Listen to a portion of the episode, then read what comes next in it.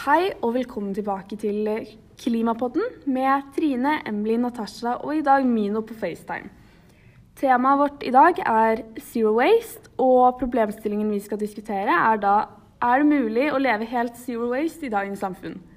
Og Natasha, du kan jo kanskje forklare kort hva zero waste er? Ja. Enkelt forklart går Zero Waste ut på å leve uten å produsere noe søppel i det hele tatt.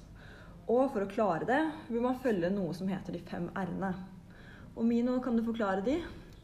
De fem r-ene er en slags huskeregel eller en liste man bør følge for å lykkes med den zero waste-livsstilen. Den første r-en står for refuse, altså motstå det du ikke trenger. Så kommer reduce, altså redusere det du trenger. Og den tredje r-en som er reuse, altså gjenbruk.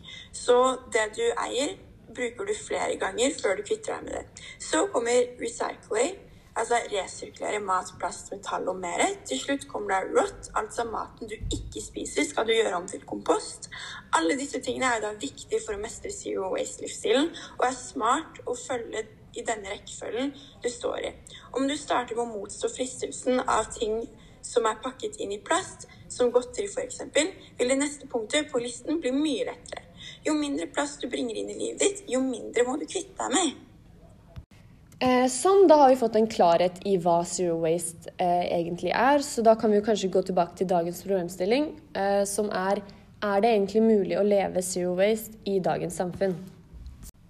Eh, vi har laget en liten liste av noen av fordelene ved å leve zero waste. Bl.a. at det hjelper miljøet.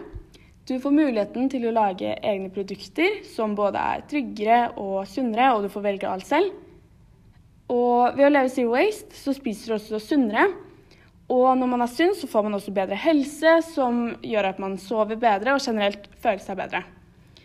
Langsiktig så sparer du også mye penger ved å f.eks. kjøpe ting uten emballasje, fordi emballasjen står faktisk for 15% av pengene til et produkt. Og du kaster også faktisk mindre mat, fordi du kan kjøpe akkurat den mengden du vil og som du trenger. Og det er veldig bra for miljøet, miljøet fordi da produseres det også mindre mat, og det kastes mindre. Og om du ikke spiser på alt, så går det helt fint, men da er det veldig smart å gjøre det du ikke spiser, om til, om til kompost. Og derfor er det jo som sagt mange grunner for hvorfor man bør leve zero waste. Men i dagens samfunn er det også noen utfordringer, utfordringer, som gjør det veldig vanskelig. En av utfordringene til å leve zero waste er at det finnes ikke så mange alternativer til plast i butikkene, og spesielt ikke i Norge. Og dette medfører at veldig mange ikke gidder å innta den livsstilen, fordi eh, det ikke er så lett å få tak i alle alternativene til plast, og det er derfor mye lettere å å leve som man gjør, da, med all den plasten man forbruker og alt det der. Mm. Ja, så samtidig som det kan være vanskelig å leve zero waste, er det som sagt mange grunner for hvorfor man burde, inn, burde innta denne livsstilen.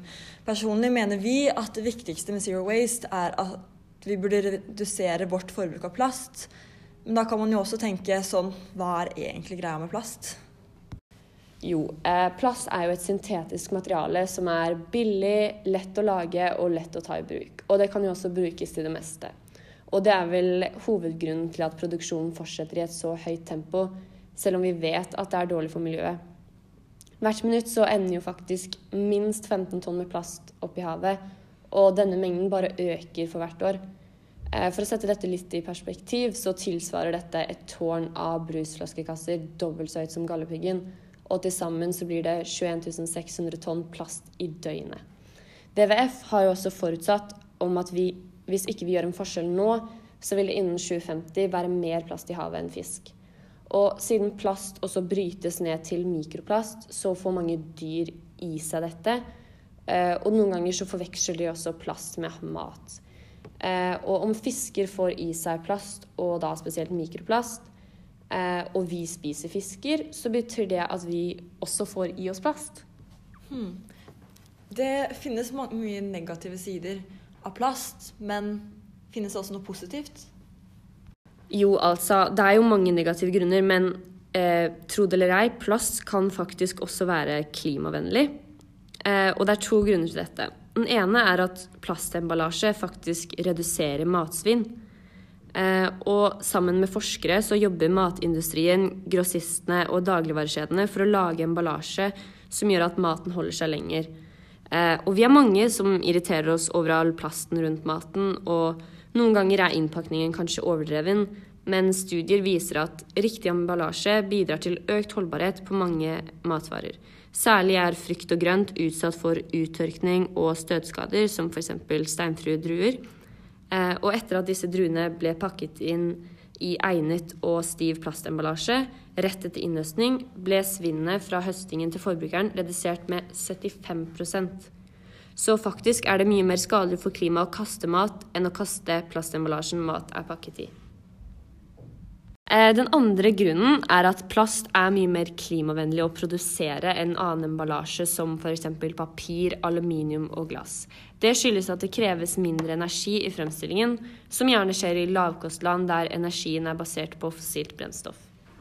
Og vår godeste naturfagslærer Anne eh, viste oss også et poseeksempel som eh, setter litt i perspektiv da, hvor mange ganger du må bruke en pose sammenlignet med en plastpose for å oppnå miljøgevinst. Så hvis du eh, sier at du bruker én plastpose én gang, da, så for å oppnå miljøgevinst så må du bruke en papirpose 1,6 ganger, en polyesterpose 2,5 ganger eh, og en bomullspose 50 ganger. Og økologisk bomullpose må du faktisk bruke 150 ganger for å oppnå en miljøgevinst. Og eh, disse f.eks. polyesterposene er jo selvfølgelig best, men det er bare om du bruker de mange ganger, da. Men det er jo målet. Så hvis folk bruker de mange ganger, så oppnår vi en miljøgevinst. Vi har laget en liste over små ting man kan gjøre for å bli litt mer klimavennlig. Og det første du kan gjøre, er å kutte plasttannbørsten og bytte den ut med en bambustannbørste. Ja, Noe annet du også kan gjøre, som tar deg litt på veien da, for å bli klimavennlig, er f.eks. å ta med egen kaffekopp, slik at du slipper å kjøpe en ny kopp hver gang du f.eks. bestiller takeaway, eller er på Mækkern, da, f.eks.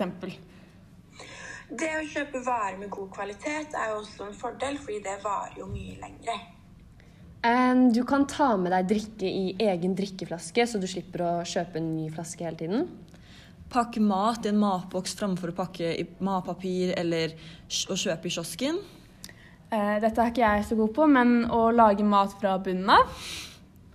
Det å starte med kompost kan også være en fordel. Eh, du kan begynne å bruke en tøybag istedenfor å kjøpe en ny plastikkpose hver gang du er på butikken. Kjøpe mindre engangsplastikk. Plastikkbestikk.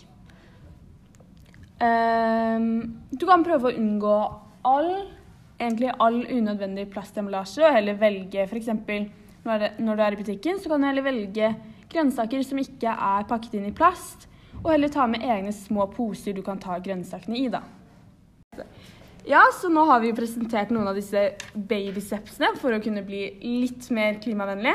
Og vi håper at noen av dere lytterne tar i bruk noen av disse og tester ut, hvert fall starter med å teste ut én eller to av de. Ja, vi har i hvert fall tenkt å prøve å bli litt mer klimavennlige. Jeg har bl.a. Begynt, begynt å bruke tøypose. Ja, og tannbørsten min er bambus. Ja. ja. Det så det er bare å begynne. Det er så... bare å begynne, så blir det mye enklere etter hvert, da. Og det er det vi også tenker. Ja. Da tenker jeg at det er på tide at vi avslutter med en konklusjon. Så eh, episodens problemstilling var jo er det mulig å leve zero waste i dagens samfunn. Eh, og vi vil si at ja, det er mulig. Eh, hvis du er dedikert, tålmodig og virkelig gir alt for det, så går det an. Og ja, som sagt så går det an å bare starte litt smått da, med en av disse babystepsene for å bli litt mer klimavennlige. Som f.eks. kjøpe en klimavennlig bambustannbørste, eller, eller slutte å kjøpe Engangsplastikkposer. Ja, så det vi egentlig konkluderer med, er at alle trenger ikke å leve helt plastfritt og helt zero waste, fordi det kan være veldig krevende for mange. Men hvis alle begynner litt, og i hvert fall gjør noe, så vil det gjøre en veldig stor forskjell. Og samtidig så blir jo eh, Så kommer det jo etter hvert flere Eller det blir mange flere klimavennlige butikker sånn i Norge. Gir, ja, som gir alternativer. Som gir, gir muligheten til å leve zero waste. Mm.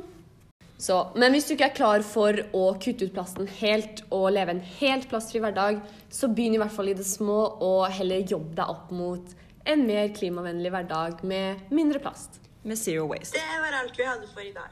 Tusen takk for oss. Tusen takk for ha oss. Ha det bra. Vi ses i neste episode av Klimapodden.